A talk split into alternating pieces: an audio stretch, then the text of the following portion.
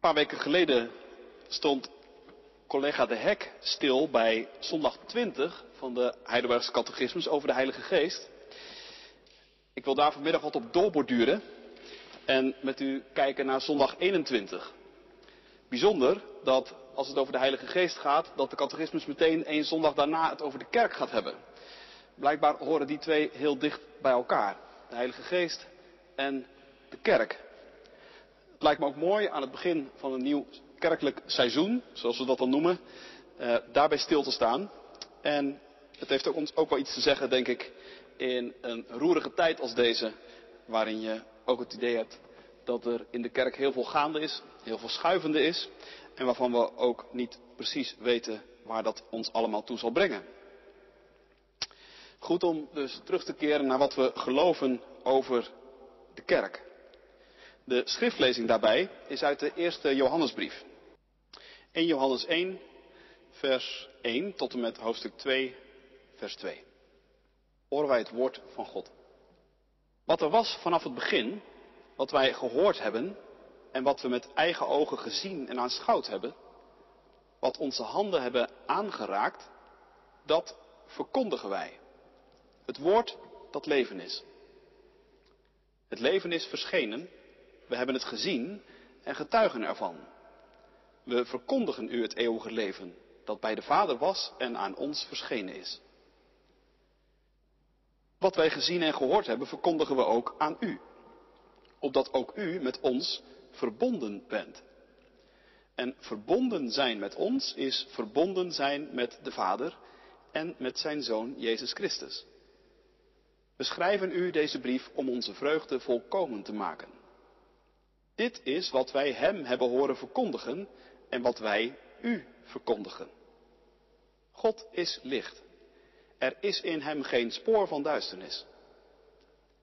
Als wij zeggen dat we met Hem verbonden zijn, terwijl we onze weg in het duister gaan, liegen we en leven we niet volgens de waarheid.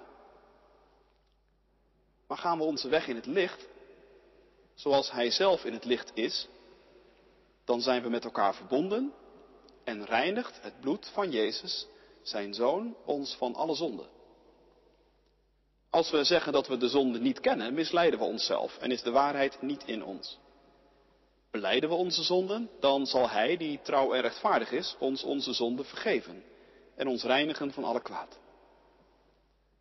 Als we zeggen dat we nooit gezondigd hebben, maken we Hem tot een leugenaar en is Zijn woord niet in ons.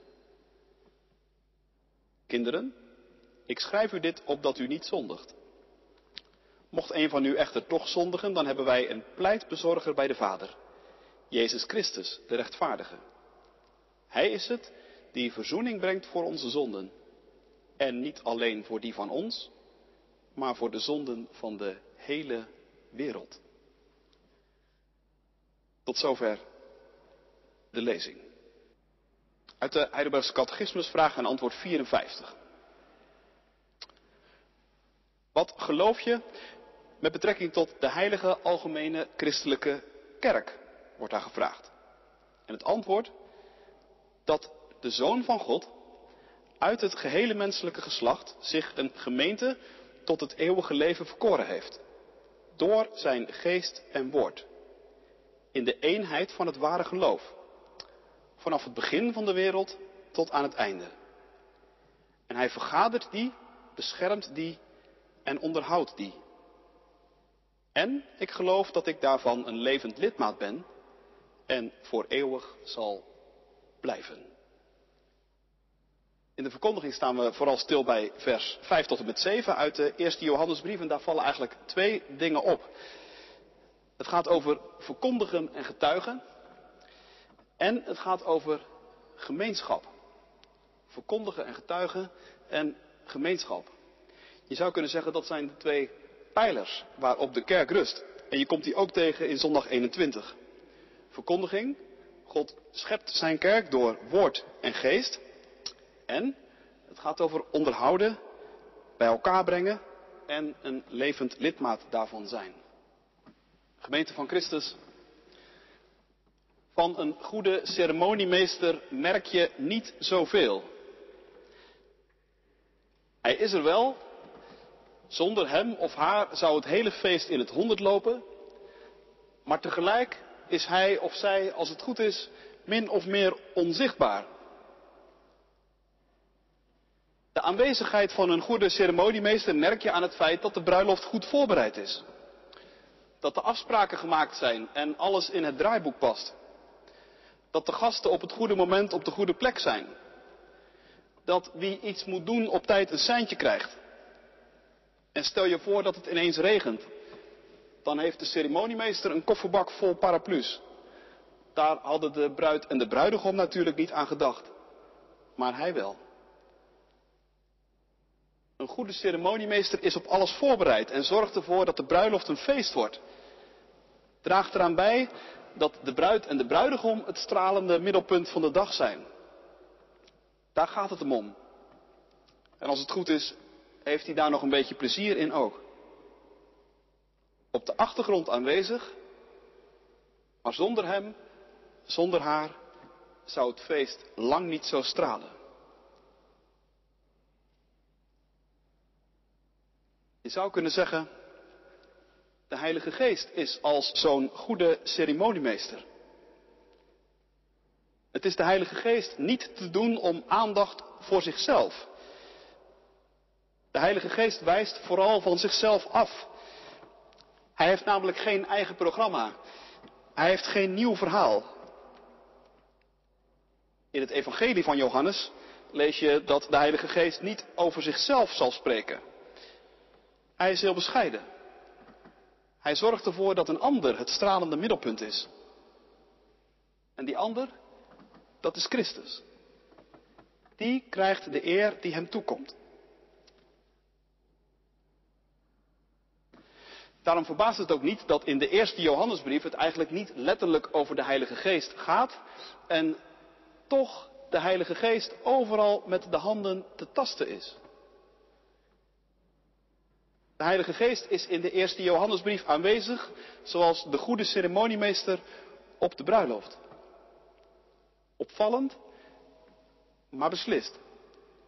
En onmisbaar. Want het gaat in de richting van Gods toekomst, die niet voor niks de bruiloft van het lam genoemd wordt. En de Heilige Geest bereidt ons daarop voor. Op de bruiloft van het lam als een goede ceremoniemeester.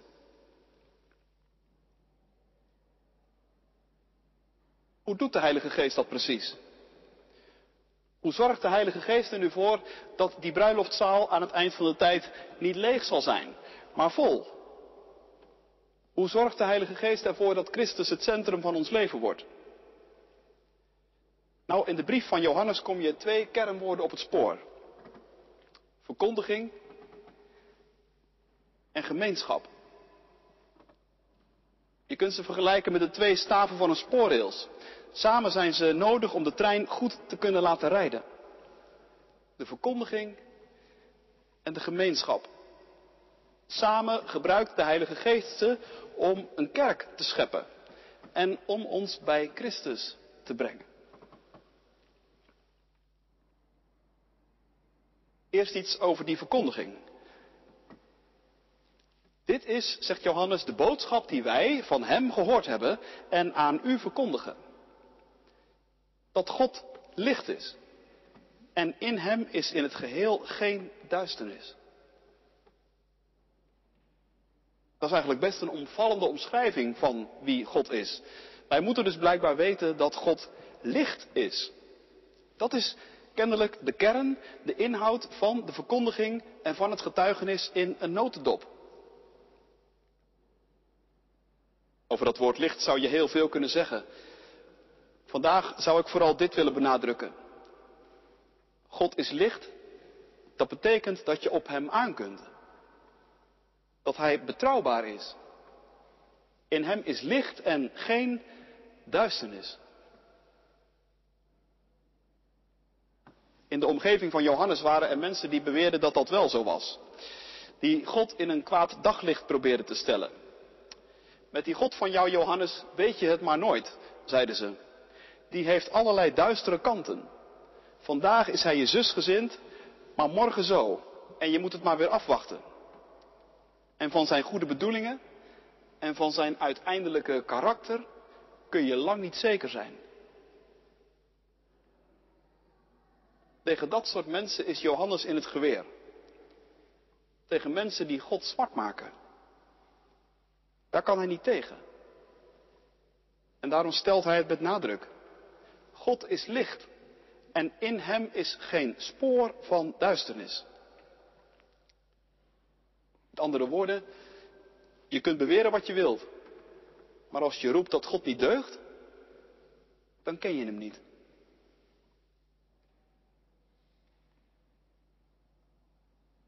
Wat dat betreft doet onze tijd niet heel veel onder voor die van Johannes. Er wordt in onze tijd ook van alles en nog wat over God geroepen. Binnen en buiten de kerk en soms totaal verschillende meningen. De een doet het nog harder dan de ander en de derde weet het nog weer beter dan alle vorige sprekers bij elkaar. En dan heb je het nog niet eens over de manieren waarop God wordt zwart gemaakt. In een kwaad daglicht wordt gesteld. Weggelachen of doodgezwegen. Maar midden in die cacophonie, die weerwar van tegengestelde geluiden, staat vanmiddag Johannes op en hij zegt, je kunt me nog meer vertellen, maar ik houd eraan vast. En ik verkondig jullie dat God licht is. En dat er in hem geen spoor van duisternis is.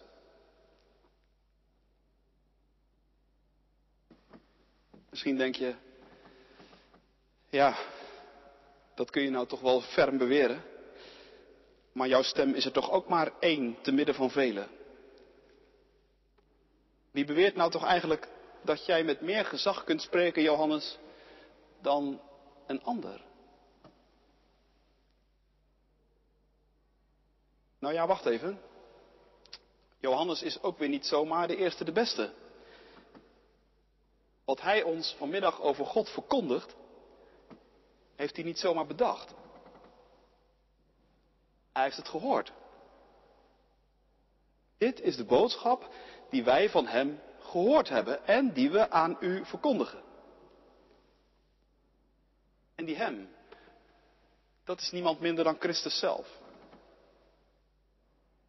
Johannes heeft het uit zijn eigen mond gehoord. En hij gebruikt allerlei heel concrete en lichamelijke taal om dat duidelijk te maken.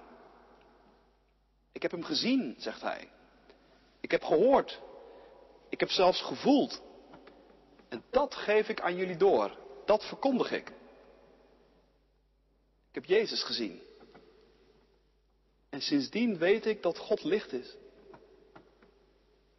Ik heb gezien hoe hij lief had. Ik heb gehoord hoe hij sprak. Ik was erbij toen hij stierf. En ik heb de verrezen Christus gevoeld. In hem heb ik God gezien. Sindsdien weet ik dat God licht is. En dat er in hem geen spoor is van duisternis.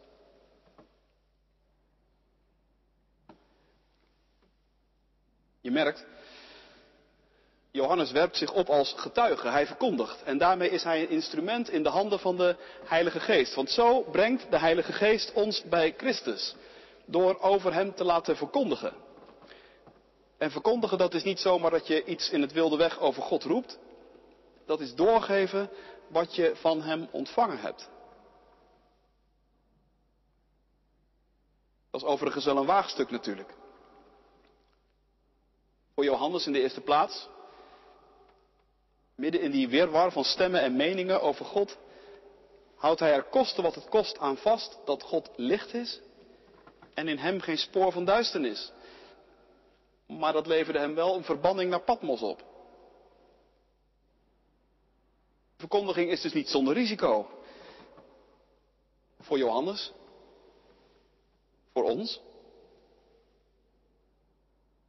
Het is best een waagstuk om elke keer weer in jullie midden op deze kansel te klimmen of achter die katheder te gaan staan en een getuige van Christus te zijn. Om midden in een complete chaos van geluiden in onze cultuur, in onze kerk, te blijven verkondigen dat God licht is. En dat er in hem geen spoor van duisternis is.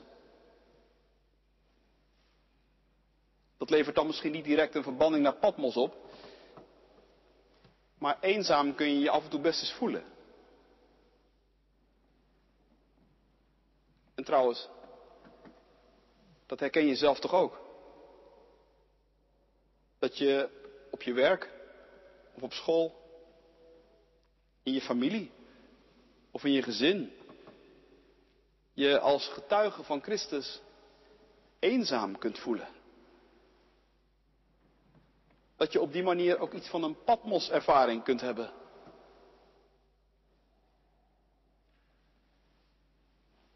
Of heb je de neiging om dat te ontlopen? Niet doen. Dat kun je voor Christus niet maken. Hij heeft voor jou de diepste eenzaamheid doorgemaakt. Zo eenzaam als Hij geweest is, zo eenzaam zullen wij nooit meer zijn. Want de Heilige Geest is gekomen. Er is een hemelse ceremoniemeester. Die maakt Christus tot het stralende middelpunt van ons leven. En de verkondiging, ja, dat is dus het eerste instrument dat hij daarvoor gebruikt.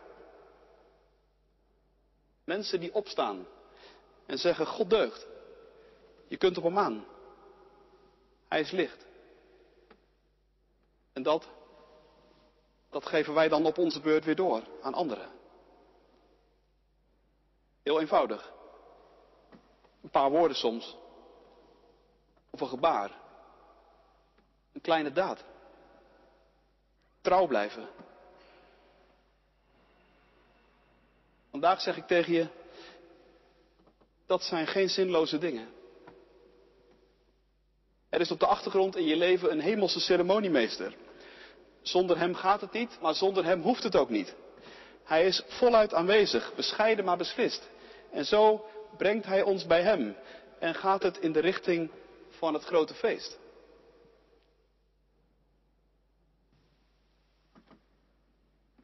En onderweg?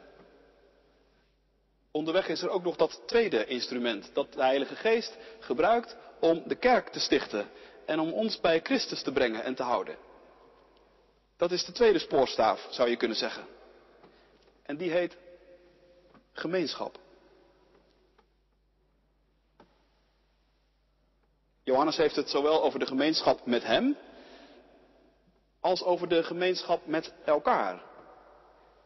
En die zijn voor Hem als twee kanten van dezelfde medaille. De gemeenschap met Hem. Daarmee bedoelt hij een leven waarin het sterven en opstaan met Christus de toon aangeven en de grondtoon van je bestaan zijn.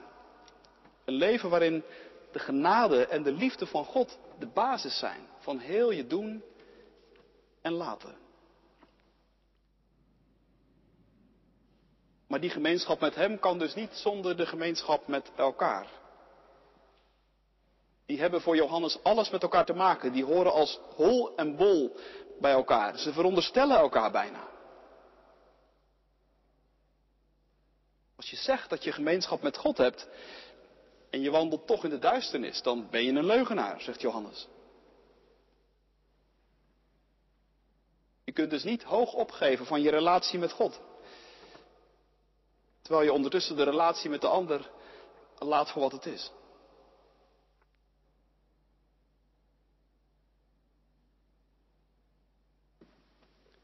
Er zijn momenten in de kerk waarin die twee dingen heel dicht bij elkaar komen en heel erg zichtbaar worden. Ik denk bijvoorbeeld aan het avondmaal. In het breken van het brood en in het schenken van de wijn zie je voor je ogen gebeuren wie Christus voor jou is. En je ziet ook wie je zelf bent. Het gaat over zonde en over vergeving in het avondmaal. En tegelijkertijd sticht de Heilige Geest daar de gemeenschap met elkaar.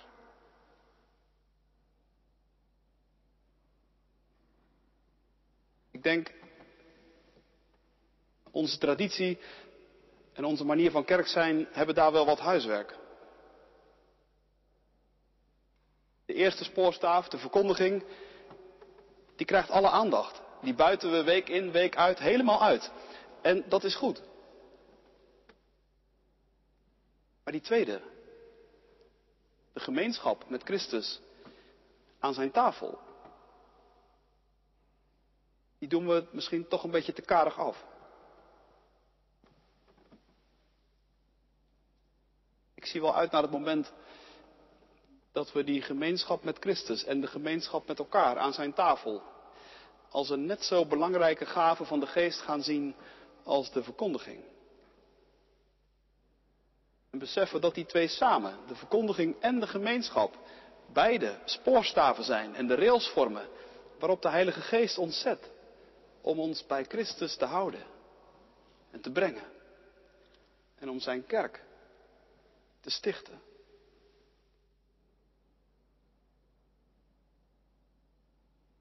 Dat kun je niet concreet genoeg zien. De kerk is een gemeenschap van mensen die wandelen in het licht, zegt Johannes. En die dat ook heel praktisch vormgeven. Die leven van vergeving en elkaar ook voortdurend vergeven. Ik las daarvan een indrukwekkend voorbeeld bij Johannes Verkuil, de grote zendingstheoloog van de vorige eeuw. In 1939 was hij studentenpredikant in Amsterdam. En hij maakte daar een groot congres mee, waarbij studenten uit de hele wereld bij elkaar aanwezig waren. In de nieuwe kerk op de Dam was er een avondmaalsviering tijdens dat congres. 1500 studenten die het brood breken en voor wie de wijn geschonken wordt. Kuil zit vlakbij een Chinees en een Japanner. In die tijd waren die landen met elkaar in oorlog. En als de Chinees de beker aan de Japanner doorgeeft, hoort hij hem erbij zeggen: Onze volken haten elkaar. Ik zou jou moeten haten, maar dat kan ik niet. Want ik weet dat het bloed van Christus voor jou en voor mij en voor mijn volk en voor jouw volk vergoten is.